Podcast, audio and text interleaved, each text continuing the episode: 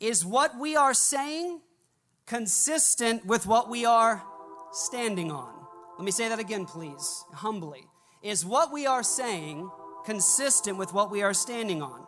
In other words, is what we are doing and what is coming out of our mouths consistent with the underlying worldview that we profess?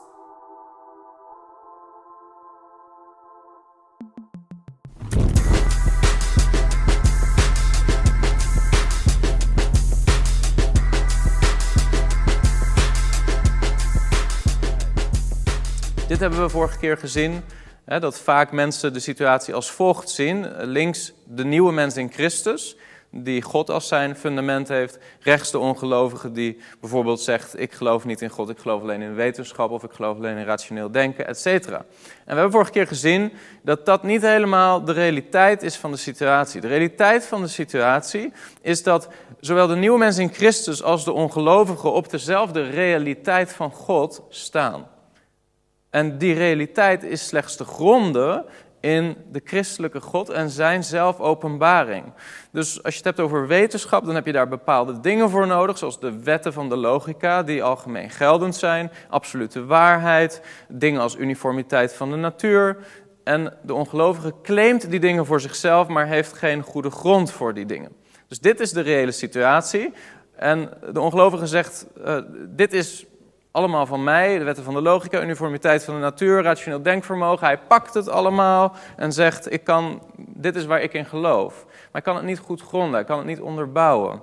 En dus um, ja, kunnen wij in de verleiding komen om op een soort neutrale brug dan dat gesprek te voeren. En dat is natuurlijk absurd en onnodig. Want de situatie is, de ongelovige snijdt zichzelf af van de christelijke God, die het allemaal mogelijk maakt. En de situatie is dat hij dan vervolgens niet zal kunnen blijven zweven. Dus wat gebeurt er? Hij valt. Dit is waar we het vandaag over gaan hebben. Uh, dus we gaan verder bouwen nog qua theorie op waar we het vorige keer over hebben gehad. Het uh, derde uh, kopje hier is hoe verdedig je het geloof? Um, dus dan komen we, gaan we het toch iets praktischer bekijken. En in de laatste sessie die ik vandaag met jullie heb, gaan we echt uh, naar praktijksituaties kijken samen. Van hoe kun je daar nou mee omgaan? Um, en tot slot noodzakelijke voorwaarden voor apologetisch succes. Wat is er nodig om uh, succes te hebben in apologetische situaties? Uh, als je naar de volgende zou kunnen gaan. Hoe verdedig je het geloof? Ja, volgende. Allereerst is het belangrijk om te begrijpen dat de Bijbel de situatie van de ongelovigen beschrijft als dwaasheid. Dat is heel belangrijk dat je dit grijpt. Psalm 14, vers 1 zegt: De dwaas zegt in zijn hart: Er is geen God.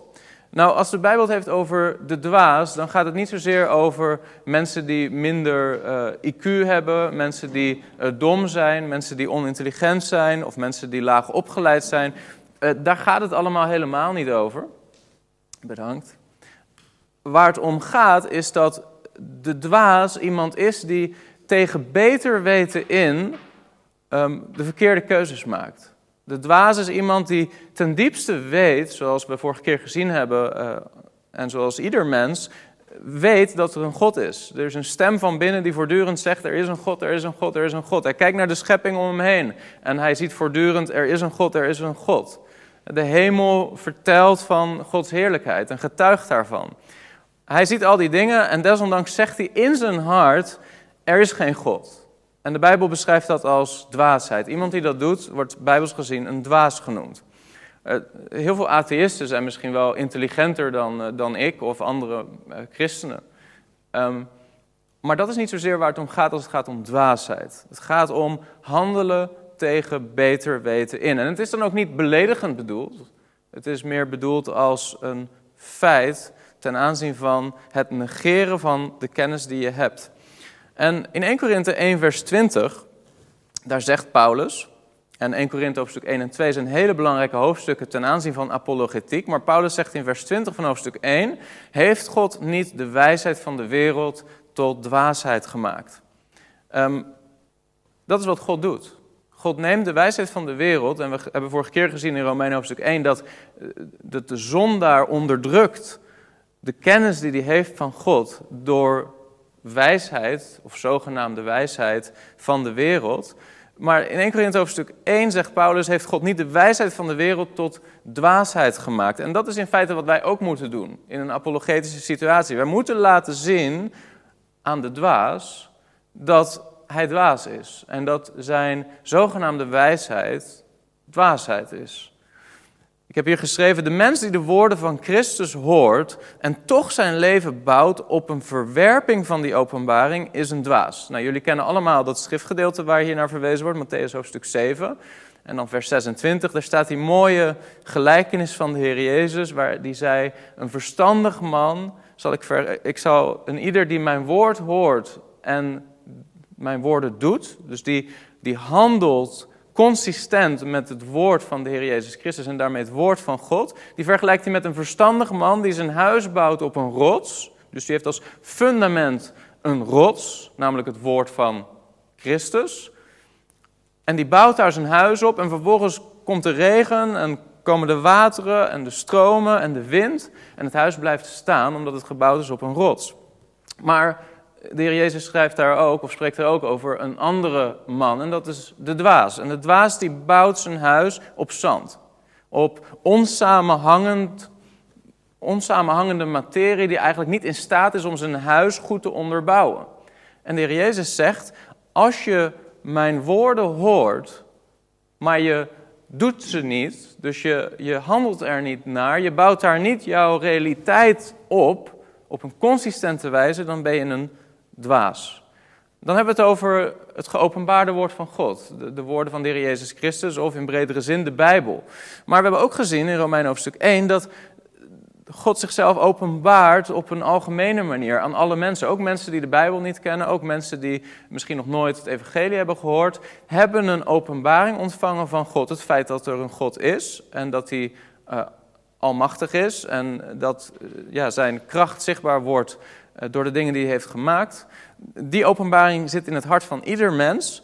En Romein hoofdstuk 1 beschrijft de mens die die openbaring onderdrukt als een dwaas. Dus zowel voor de natuurlijke algemene openbaring als de bijzondere openbaring door middel van de Bijbel, Gods woord, zegt de Bijbel dat de mens die daar niet consistent op bouwt en handelt in zijn leven een dwaas is. En wat moet de christen doen? De christen moet demonstreren dat de ongelovige geen begrijpelijke plaats heeft om op te staan geen samenhangende epistemologie, wat wil zeggen je kennistheorie, hoe weet je wat je weet. Geen rechtvaardiging heeft voor een betekenisvol gesprek of uh, het neerzetten van stellingen, predikatie, argumentatie. Dus de pseudo-wijsheid van de wereld moet gereduceerd worden tot dwaasheid. Dat is de taak van de apologeet. De apologeet moet laten zien wat, wat Paulus ook schrijft in 1 Korinthe 1 vers 20, dat God de wijsheid van de wereld tot dwaasheid heeft gemaakt. Nou, heel concreet, en misschien wel het belangrijkste wat je moet onthouden van alles wat ik heb verteld tot nu toe, is dat eh, Greg Baansen en uh, voorstanders van presuppositionele apologetiek zeiden: dit moet je op een twee-stappen manier doen. En dat noemen we hier de tweevoudige apologetische procedure. Deze twee stappen moet je altijd in je hoofd hebben als je in een situatie zit dat je in gesprek bent met de ongelovigen. Welke twee stappen zijn dat? Nou, we kijken even naar drie teksten waar je ze eigenlijk stiekem ziet. Probeer er goed op te letten en te kijken of dat jij die stappen ook ziet. 2 Korinthe hoofdstuk 10 vers 4 en 5. Daar zegt Paulus, de wapens van onze strijd zijn immers niet vleeselijk, maar krachtig door God tot afbraak van bolwerken. En als je niet weet wat een bolwerk is, je zit nu op je computer misschien, kun je eventjes googlen, maar een bolwerk is een soort versterking. Het is een soort stenen muur om uh, iets te beschermen of een, een soort burcht. Uh, maar het is, een, uh, het is eigenlijk een structuur die heel sterk kan zijn. En Paulus heeft het over het afbreken van bolwerken. En wat bedoelt hij dan? Vers 5, wij breken valse redeneringen af en elke hoogte die zich verheft tegen de kennis van God. En wij nemen elke gedachte gevangen om die te brengen tot gehoorzaamheid aan Christus. Dus dat is onze taak. Wij moeten valse redeneringen of valse wereldbeelden, hele structuren die mensen bedacht hebben om die kennis van God te onderdrukken en zich niet te hoeven onderwerpen aan Christus als Heer en aan God, die mogen wij afbreken. Dat is onze taak, zien we hier. En die vervolgens elke gedachte ook gevangen, brengen, uh, gevangen nemen om die te brengen tot gehoorzaamheid aan Christus. Gehoorzaamheid aan Christus. Is jouw wereldbeeld onderworpen aan de heerschappij van Christus? Of is het een bolwerk en een valse redenering, een stapel van valse redeneringen, wat uiteindelijk een vals wereldbeeld is? Zie je, er zijn twee wereldbeelden. Het christelijk wereldbeeld gegrond op wie God is en zijn zelfopenbaring, en ieder ander wereldbeeld, wat in feite dwaasheid is volgens de Bijbel. In 1 Timotheus, hoofdstuk 6, vers 20, daar zegt Paulus: O Timotheus, bewaar het u toevertrouwde pand. Dat wil zeggen het evangelie en in bredere zin Gods openbaring over wie hij is. Wend u af van het onheilige, van de inhoudsloze praat en tegenstellingen van de ten onrechte zogenoemde kennis. Paulus heeft het over een kennis die ten onrechte zo genoemd wordt. Pseudonymu. Dat wil zeggen ten onrechte zo genoemd. Pseudo betekent ehm, leugen in het Grieks. Dus uh, vals, valse kennis. Kennis die, die kennis lijkt te zijn, maar geen kennis is. En wat Paulus zegt tegen Timotheus is: wend u daarvan af.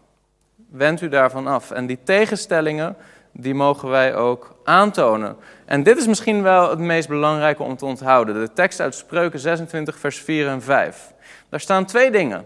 En die lijken in eerste instantie tegenstrijdig. Er staat in vers 4: Antwoord een dwaas niet naar zijn dwaasheid, anders zou ook u aan hem gelijk worden. En dan vers 5: Antwoord een dwaas naar zijn dwaasheid, anders zou hij in zijn eigen ogen wijs zijn. En wat moet je nou doen?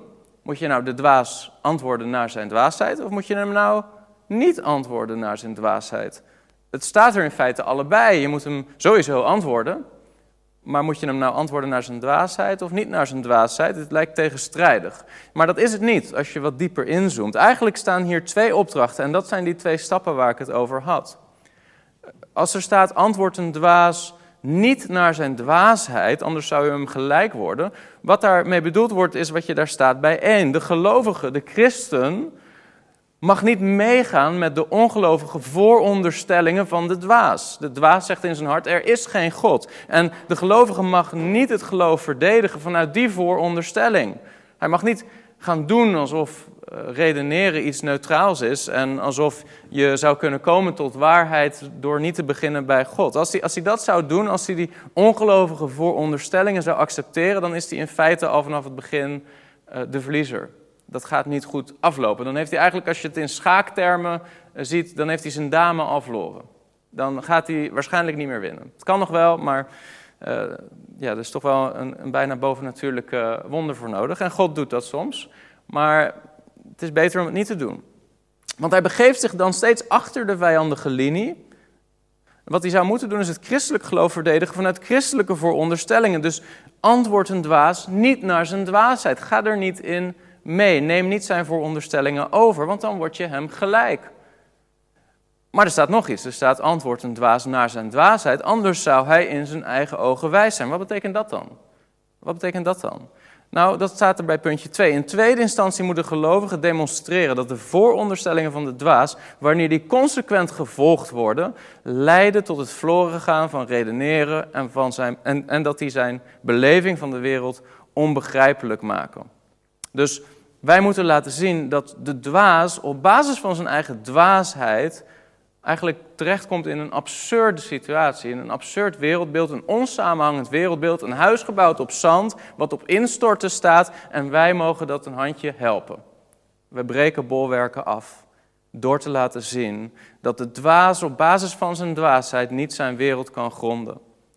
En waarom doen we dat? Omdat hij anders in zijn eigen ogen wijs zou zijn. We breken bolwerken af om iedere gedachte gehoorzaam te maken aan Christus. Dus dat is die tweevoudige, die, die twee stappen eh, procedure van presuppositionele apologetiek. Dus stel je voor, jij bent dit, daar links, als christen, in gesprek met je buurman, daar rechts.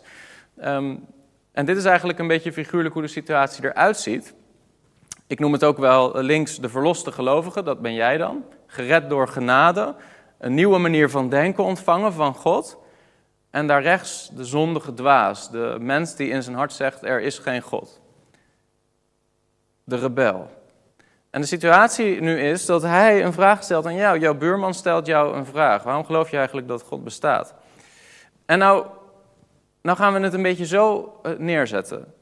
Twee vakjes. Jouw fundament, jouw wereldbeeld, uh, jij als christen en daar rechts je buurman eh, in dit geval. En dat is niet beledigend bedoeld, maar de Bijbel noemt hem in dit geval de dwaas. De dwaas die in zijn hart zegt, er is geen God, stelt een vraag. En nou moet jij twee dingen doen, volgens de Bijbel. Je moet hem één onderwijzen, dat wil zeggen de dwaas niet antwoorden naar zijn dwaasheid, maar hem onderwijzen op basis van christelijke beginselen. En twee, afbreken. Laten zien hoe zijn dwaasheid leidt tot een onbegrijpelijke realiteit en belevingswereld. En dat doe je als volgt.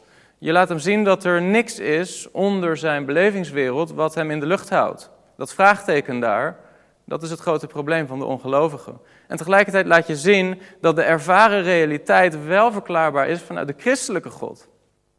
Oké, hou dat plaatje een beetje vast. Dat is het plaatje wat steeds terugkomt. Het beantwoorden van de dwaas.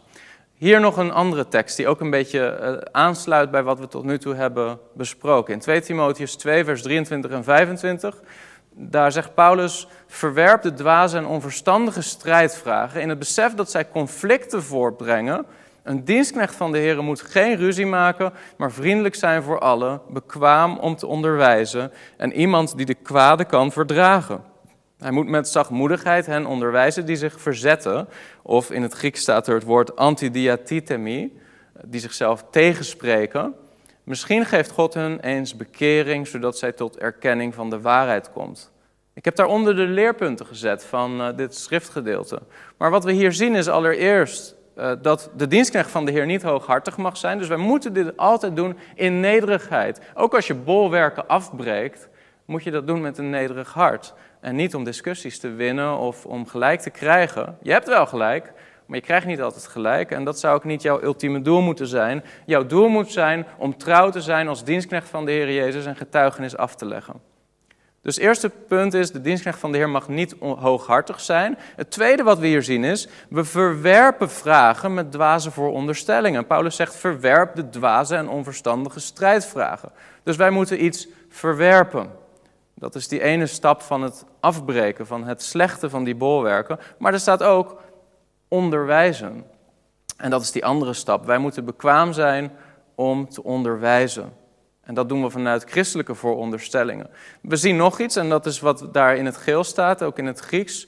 De ongelovige spreekt zichzelf tegen en wij mogen dat ook laten zien en demonstreren. Het vierde, de ongelovige heeft niet alleen maar informatie nodig, maar bekering. Dat is wat er staat. Er staat aan het eind van vers 25 daar, misschien geeft God hun eens bekering, zodat ze tot erkenning van de waarheid komen. Dus bekering is nodig uh, en niet alleen maar meer informatie. En het vijfde punt, Gods soevereine wil is nodig voor apologetisch succes. Er staat heel duidelijk, misschien geeft God hun eens bekering met als gevolg of zodat zij tot erkenning van de waarheid komen. Veel christenen zien het andersom. Dus Eerst moet ik hem helpen tot erkenning van de waarheid te komen en dan moet mijn buurman zich bekeren. Maar de Bijbel zegt eigenlijk eerst komt bekering, dan komt erkenning van de waarheid. Interessant. Het gaat erg in tegen onze natuurlijke manier van denken. Maar dat is wel wat de Bijbel zegt. Je moet beseffen dat in zo'n gesprek met jouw ongelovige buurman, dat het niet slechts een, een strijd is tussen feiten die anders uh, beleefd worden, maar het is een strijd tussen twee botsende wereldbeelden. En daar moet je voortdurend van bewust zijn.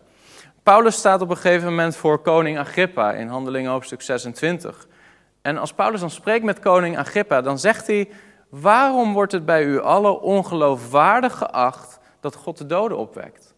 Want Paulus predikt de opstanding van Christus. Maar terwijl hij daarover getuigt, zegt hij: Waarom wordt het bij u allen ongeloofwaardig of onmogelijk om te geloven geacht dat God de doden opwekt?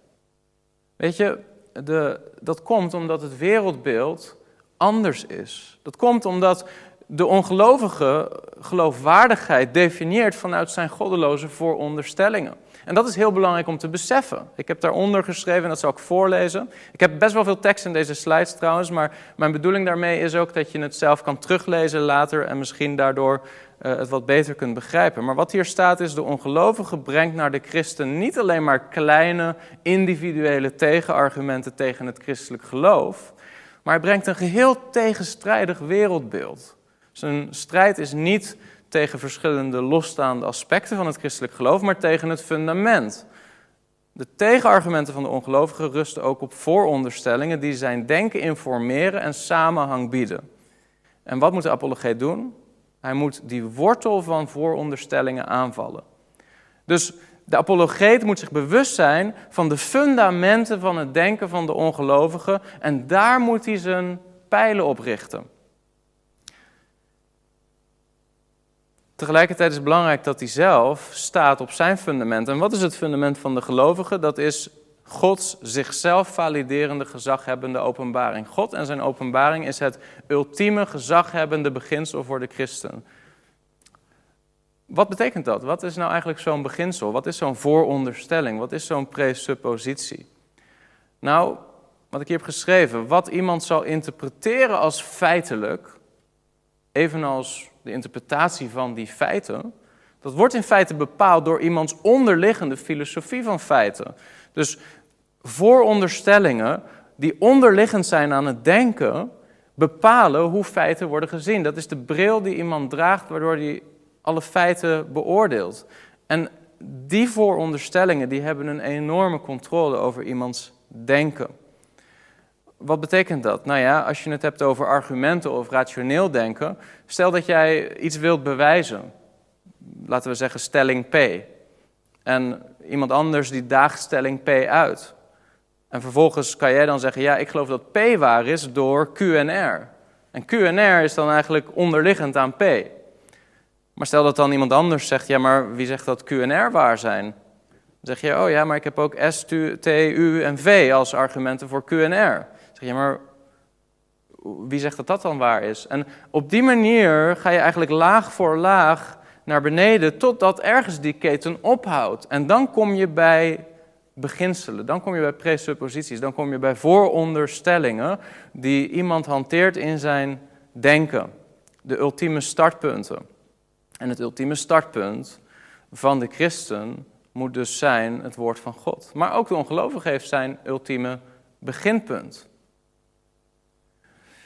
Wat belangrijk is, is uh, willen we hier uitkomen, wil je in het gesprek met een ongelovige uh, iets bereiken, dan moet het dus niet alleen maar gaan over feiten aan het oppervlak, maar dan moet je graven naar die presupposities, naar die beginpunten. Dat is de enige manier om hier uit te komen. Wat Christus eigenlijk laat zien, is dat het woord van God het ultieme startpunt is. En dus ook zijn eigen woorden. En Christus en zijn woord staan vast als het meest ultieme, betrouwbare startpunt van de waarheid. Daarom zegt de Heer Jezus ook, een wijs man bouwde zijn huis op een rots. Dat, die rots, dat is wat daaronder dat huis zit. Alle stenen van dat huis zijn gebouwd op die grond, op die rots. Dat zou het beginpunt moeten zijn van de christen in zijn denken en in zijn handelen, het woord van God. Maar daar staat tegenover dat ook de dwaas, als je gaat graven en je gaat naar een dieper niveau en je gaat kijken wat is nou eigenlijk het fundament onder dat huis van de dwaas, dan zie je dat dat zand is, dat het niet samenhangend is, dat het, dat het uiteindelijk zijn huis niet zal gaan redden als er ehm, storm komt, als er conflict komt, als er uh, een aanval komt als zijn huis wordt geconfronteerd met kritiek. Nou, wat moet de apologeet dan doen? De apologeet moet voorbereid zijn om zijn ultieme startpunt te verdedigen vanuit de onmogelijkheid van het tegendeel. En dat is waar we het over hebben gehad: bolwerken afbreken. Dat wil zeggen te onderbouwen dat het filosofisch perspectief van de ongelovigen zal leiden tot vernietiging van betekenis, intelligentie en zelfs de mogelijkheid van kennis. Dit, dit klinkt heel ingewikkeld, maar dat is het in feite niet. En straks zul je ook zien dat dit vrij eenvoudig is. Maar wat hier eigenlijk staat is, je kan rationeel denken, je kan intelligentie, je kan een betekenisvolle beleving van de realiteit niet gronden in andere vooronderstellingen dan die van de christelijke God van de Bijbel. Het christelijk geloof is het enige raamwerk en biedt de enige voorwaarden voor een begrijpbare ervaring en rationele zekerheid. Ik had je gewaarschuwd dat het ingewikkeld zou zijn, maar ik breng het nu weer terug bij dat simpele plaatje. Hier gaat het om.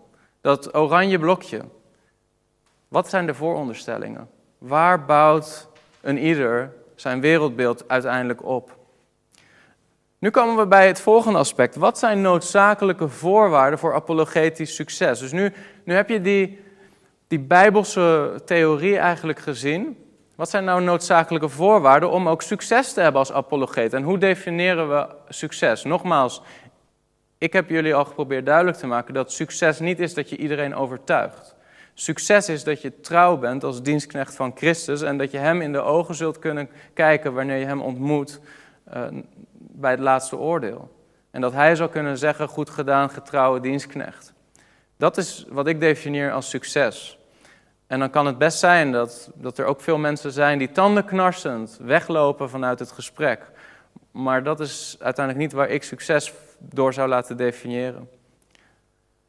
Wat zijn de voorwaarden? Allereerst, wil er ook succes zijn in de zin dat iemand tot geloof komt, dan is het noodzakelijk dat God op soevereine wijze het verstand van iemand opent. We lezen in Romein hoofdstuk 3, vers 10 en uh, tot en met 12. Dus zegt Paulus zoals geschreven staat, er is niemand rechtvaardig, ook niet één. Er is niemand die verstandig is.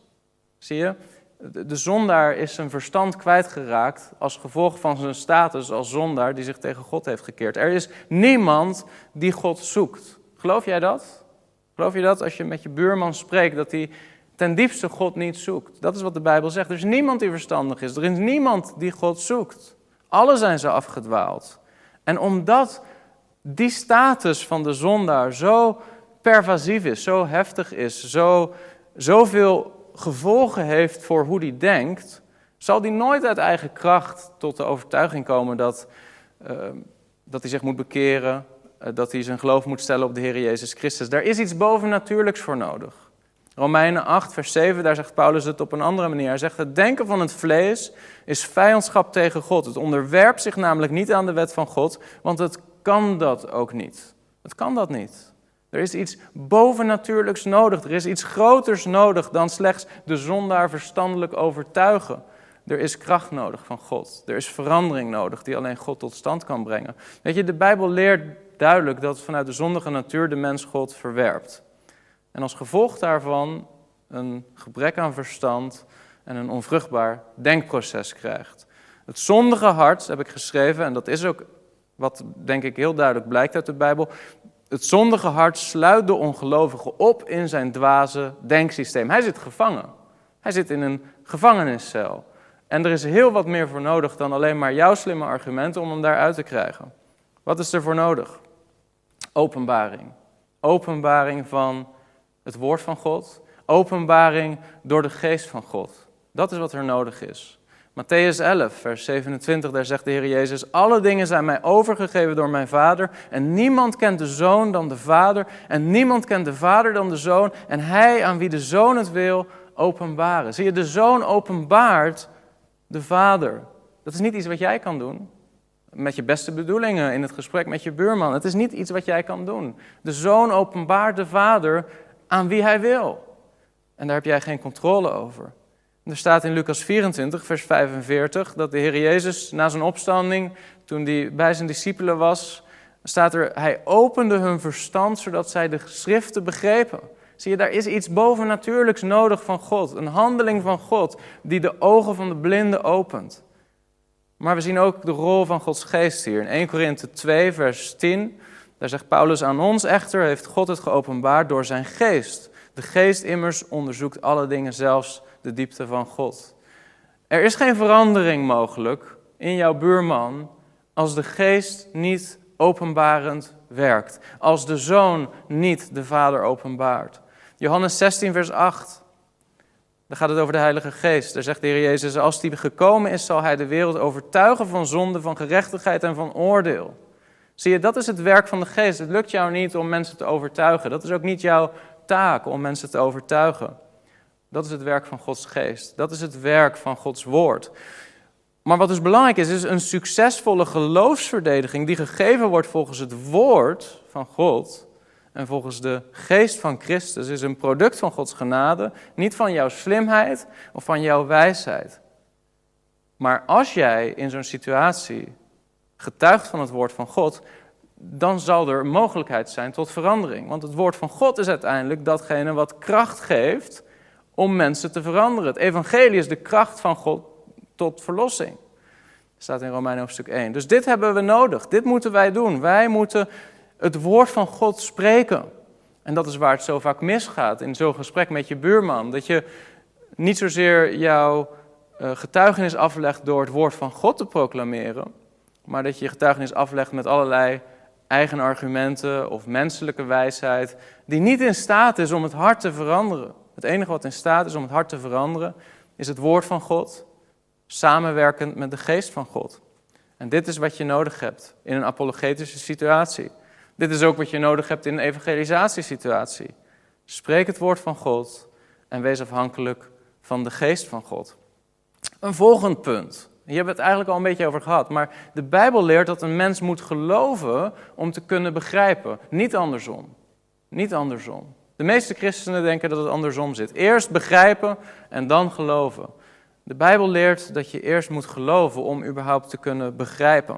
In Johannes 7, vers 17, daar zegt de Heer Jezus: Als iemand de wil heeft om zijn wil te doen, dan zal hij van dit onrecht weten of het uit God is of dat ik vanuit mijzelf spreek. Het begint bij de wil, het begint bij het hart. Als iemand die wil niet heeft, dan zal hij het ook niet weten. Maar als hij de wil heeft, dan zal hij het weten. Het begint niet bij het weten, het begint bij de wil, het begint bij het hart. En daarna komt het weten.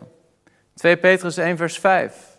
Daar staat ook iets over die volgorde van geloof en dan begrijpen of dan komen tot kennis. Want Petrus schrijft, daarom moet u er zich met alle inzet op toeleggen om aan uw geloof deugd toe te voegen, aan de deugd kennis.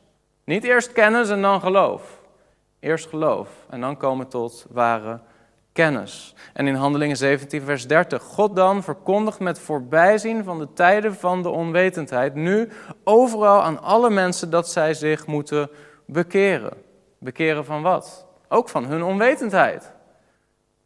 Het begint bij bekering. Zie je, de apologeet heeft dus als taak om de mens die in onwetendheid leeft tot bekering te brengen. Omdat de onwetendheid een gevolg is van een verduisterd hart, wat een gevolg is van het onderdrukken van de kennis van God die hij heeft. Apologetisch succes is afhankelijk van bekering. Pas als de zondaar zich bekeert en zijn zondige trots en zijn vermeende intellectuele zelfgenoegzaamheid aflegt, dan zal hij op een punt komen dat hij begint te begrijpen. Elders in de schrift 2 Timotheus 2 vers 25, daar zegt uh, Paulus tegen Timotheus, hij moet met zachtmoedigheid hen onderwijzen die zich verzetten. Dat hebben we net ook gezien. Misschien geeft God hun eens bekering, zodat ze tot erkenning van de waarheid komen. Je buurman heeft bekering nodig. Niet eerst erkenning van de waarheid om dan tot bekering te komen. Ik val in herhaling, maar ik vind het belangrijk dat je dit punt goed eigen maakt. 1 Johannes 5, vers 1. Ieder die gelooft dat Jezus de Christus is, is uit God geboren. Wedergeboorte is noodzakelijk om te komen tot geloof in Jezus als Christus. En Paulus schrijft in Colossenses 3, vers 10 dat u de nieuwe mens aangetrokken hebt die vernieuwd wordt tot kennis. Dus eerst moet de nieuwe mens aangetrokken worden, vervolgens wordt hij vernieuwd tot kennis. We draaien het zo vaak om. Het is zo natuurlijk om te denken, ik ga vanuit mijn autonome denken eerst genoeg kennis verzamelen en dan heb ik een goed onderbouwde reden om me te bekeren. Maar de Bijbel zegt dat het niet zo zit.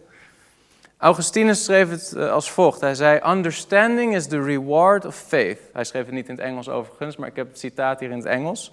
Understanding is the reward of faith. Therefore, do not seek to understand in order to believe, but believe that thou mayest understand. Dus hij zegt met andere woorden, Begrijpen is het loon van geloof. Je moet beginnen met geloof om te kunnen begrijpen. Dus dat moet ook onze strategie in de apologetiek um, leiden. Het feit dat geloof ons doel is. Ons doel is om die ongelovige buurman te helpen om tot geloof te komen. En dat zou ik zien als een succes. Ik denk dat de meesten dat zouden zien als een succes. Het is niet alleen maar het doel dat wij eh, gelijk hebben. Het doel is uiteindelijk dat de ongelovige met wie je in gesprek bent, ja, dat hij het getuigenis hoort van het evangelie. Ja, dat hij jouw verdediging hoort. Maar het einddoel is natuurlijk dat iemand ook tot geloof komt. En dat is niet van jou altijd afhankelijk. Maar eh, het is wel belangrijk dat je dat ziet als jouw doel. reddend geloof. Maar wat leert de Bijbel eigenlijk over geloof? Hoe, hoe komt geloof op een bijbelse manier tot stand? En een belangrijk voorbeeld van geloof in de Romeinenbrief en ook in de Bijbel überhaupt in het Nieuwe Testament, uh, waar vaak naar terugverwezen wordt, is Abraham. Het geloof van Abraham wordt eigenlijk voorgehouden als het modelgeloof. En als je dan kijkt naar Abrahams leven, dan zie je dat zijn geloof best wel interessant is. Eh, er staat in Romeinen 4, vers 12 dat hij een vader is van alle gelovigen. Maar wat staat er over dat geloof? Romeinen 4, vers 18. Abraham, hij heeft tegen alles in gehoopt en geloofd dat hij een vader van vele volken zou worden. Hij kon geen kinderen krijgen. Hij had een belofte gekregen van God dat zijn nageslacht vermenigvuldigd zou worden door God en dat hij kinderen zou gaan krijgen. Hij moest tegen alles in, tegen alle rationele redenen om te denken dat dat nooit zou gaan gebeuren, in geloven op de belofte van God dat hij wel degelijk kinderen zou krijgen. Dus daar, daar leren we een les in. Het ware geloof rust niet op menselijk redeneren of op zien. Sterker nog, het kan soms heel erg daartegen ingaan, zoals bij Abraham. Maar het gezag van Gods woord was voor Abraham genoeg basis om te geloven. Zijn leven bouwde Abraham op de presuppositionele overtuiging dat God waar was en dat zijn woord betrouwbaar was. En dat is waarom het geloof van Abraham wordt gezien als modelgeloof. En dat zie je ook in de Hebreeënbrief. Abraham geloofde eenvoudigweg op basis van Gods eigen getuigenis dat niets voor hem te wonderlijk zou zijn. Zelfs toen van hem werd gevraagd om Isaac op het altaar te leggen, toen had Abraham natuurlijk helemaal geen rationele uh, uh, reden om dat te doen allereerst. En ook geen rationele reden om te denken dat dat, dat logisch zou zijn. Hij, hij had de belofte van God dat hij een nageslacht zou hebben. Nou had hij een zoon, Isaac. En dan werd van hem gevraagd om die zoon op het altaar te leggen. Maar Abraham liet zich niet leiden in zijn gedrag en in zijn beleving van de realiteit door zijn eigen inzicht, maar hij besloot: ik doe het op basis van Gods woord. Gods woord is voor mij het meest basale uitgangspunt om te bepalen wat waar is en hoe ik mijn leven zou moeten leven. En hij, er staat hier: hij overlegde bij zichzelf dat God bij machten was om zijn zoon zelfs uit de doden op te wekken. En hij kreeg hem als het ware daaruit ook terug. Zie je, het geloof kan soms heel erg ingaan tegen ons autonome redeneren, zegt de Bijbel. Dus geloof kan daar nooit op rusten, op het autonome menselijke redeneren. In Genesis 18, vers 14. Zou er voor de Heer iets te wonderlijk zijn? Zegt God tegen Abraham, op de vastgestelde tijd, over een jaar, zal ik bij u terugkomen en Sarah zal een zoon hebben. Abraham concentreert zich op de belofte van God. Hij was ten volste verzekerd dat God die belofte ook zou waarmaken. Hij liet zich niet opschudden door ongeloof en dat is kenmerkend voor waarachtig, reddend geloof.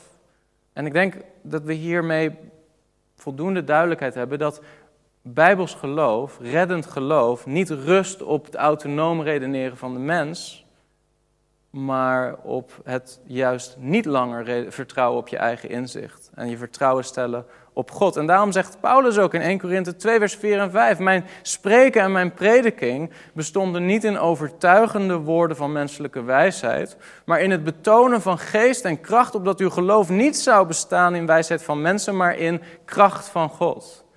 Denk eventjes weer aan die rots. Die rots is krachtig genoeg om dat huis in de lucht te houden. Die rots is sterk. Je wil niet onder een rots verpletterd worden. Rotsen zijn nogal consistent.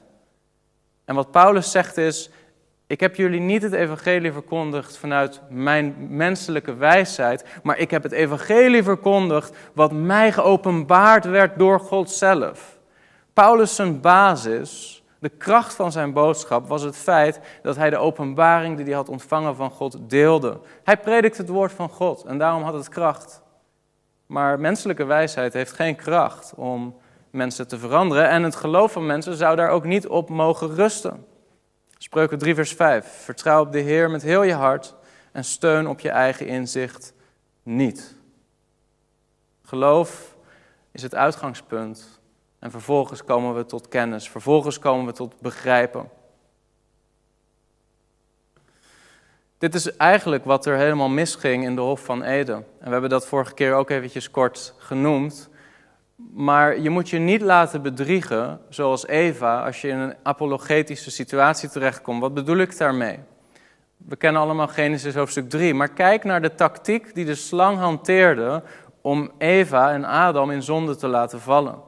In vers 1, daar komt de slang bij de vrouw. En dan het eerste wat hij zegt is: Is het echt zo dat God gezegd heeft? Heeft God wel gesproken? Eh, het gaat niet zozeer nog om wat God gezegd heeft, maar Eva krijgt überhaupt nu de vraag van de boze: Heeft God überhaupt iets gezegd? Is het echt zo dat God dat gezegd heeft? Of, of heeft hij misschien dat niet gezegd? Heeft hij misschien andere dingen gezegd?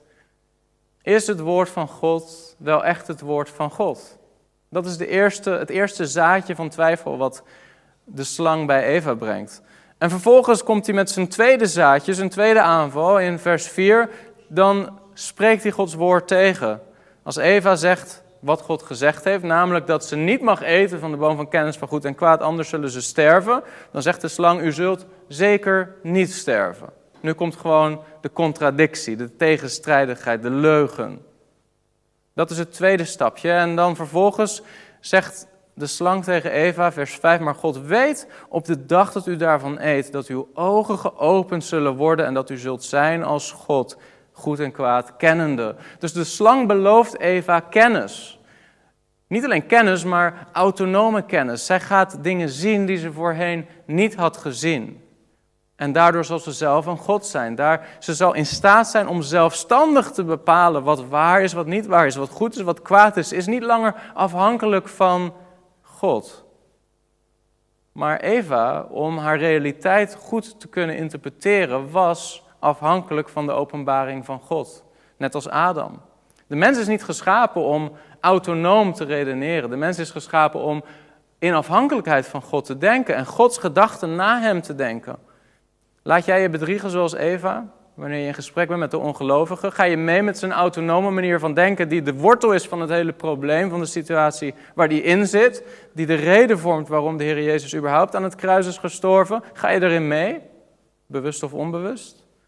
Paulus zegt 2 Korinthe 11, vers 3: Ik vrees dat zoals de slang met zijn sluwheid Eva verleid heeft, zo misschien ook uw gedachten bedorven worden, weg van de eenvoud die in Christus is. Zie je, eenvoud is hier tegenstrijdig met dubbelhartigheid. Dubbelhartigheid. Eva was in zekere zin dubbelhartig. Ze wist wel dat God iets had gezegd. En in eerste instantie bestond haar realiteit en was haar realiteit ook gebaseerd op die openbaring van God. Maar toen de slang kwam, ontstond er een soort parallelle denkstijl, namelijk het autonome denken. Het zelf redeneren in onafhankelijkheid van God en Gods basisopenbaring bevragen vanuit mijn autonome denken. Dat is dubbelhartigheid. En dat is wat veel christenen doen in apologetiek. Het is die dubbelheid waarvan Paulus zegt dat we die moeten loslaten en niet moeten laten toestaan dat onze gedachten bedorven worden. En ik heb hier nog geschreven: lieg niet om de waarheid te verdedigen. In Romeinen 3, vers 7 en 8 daar zegt um, Paulus iets interessants. Misschien heb je het gelezen vaker. Want als de waarheid van God door mijn leugen overvloediger is geworden tot zijn heerlijkheid, waarom word ik dan toch nog als zondaar beoordeeld? En het is toch niet zoals wij belasterd worden en zoals sommigen zeggen dat wij zeggen, laten we het kwade doen opdat het goede daaruit voortkomt. De verdoemenis van hen is rechtvaardig. Zie je, de apologeet mag niet de suggestie wekken en eigenlijk daarmee liegen dat autonoom menselijk redeneren betrouwbaar is als beginpunt om vervolgens tot Christus te komen. Als hij dat wel zou doen, zou hij in feite liegen om de waarheid te verdedigen. De apologeet moet op zijn eigen fundament blijven staan. Samenvattend, dit hebben we besproken in deze sessie en in de vorige sessie. En ik heb eigenlijk de indeling gebruikt om dit een beetje aan jullie duidelijk te maken van Greg zijn boek Always Ready. Dat is een Engels boek, het is niet naar het Nederlands vertaald voor zover ik weet. Misschien is dat iets wat we nog eens zouden moeten doen. Maar uh, we hebben deze onderwerpen, deze ingrediënten hebben we samen nu gezien. Christus is Heer over alle kennis. Wat zijn noodzakelijke voorwaarden voor de taak van de apologeet? Hoe verdedig je het geloof met die twee stappen procedure? En wat zijn noodzakelijke voorwaarden voor apologetisch succes? Heb je iets gehad aan deze video? Druk dan op like, dan uh, zal YouTube ervoor zorgen dat meer mensen deze video zien. En als je vaker dit soort video's wilt kijken, abonneer je dan op dit kanaal. En dan zul je ongeveer wekelijks een nieuwe video aantreffen, waardoor je kan groeien in je kennis over geloofsverdediging.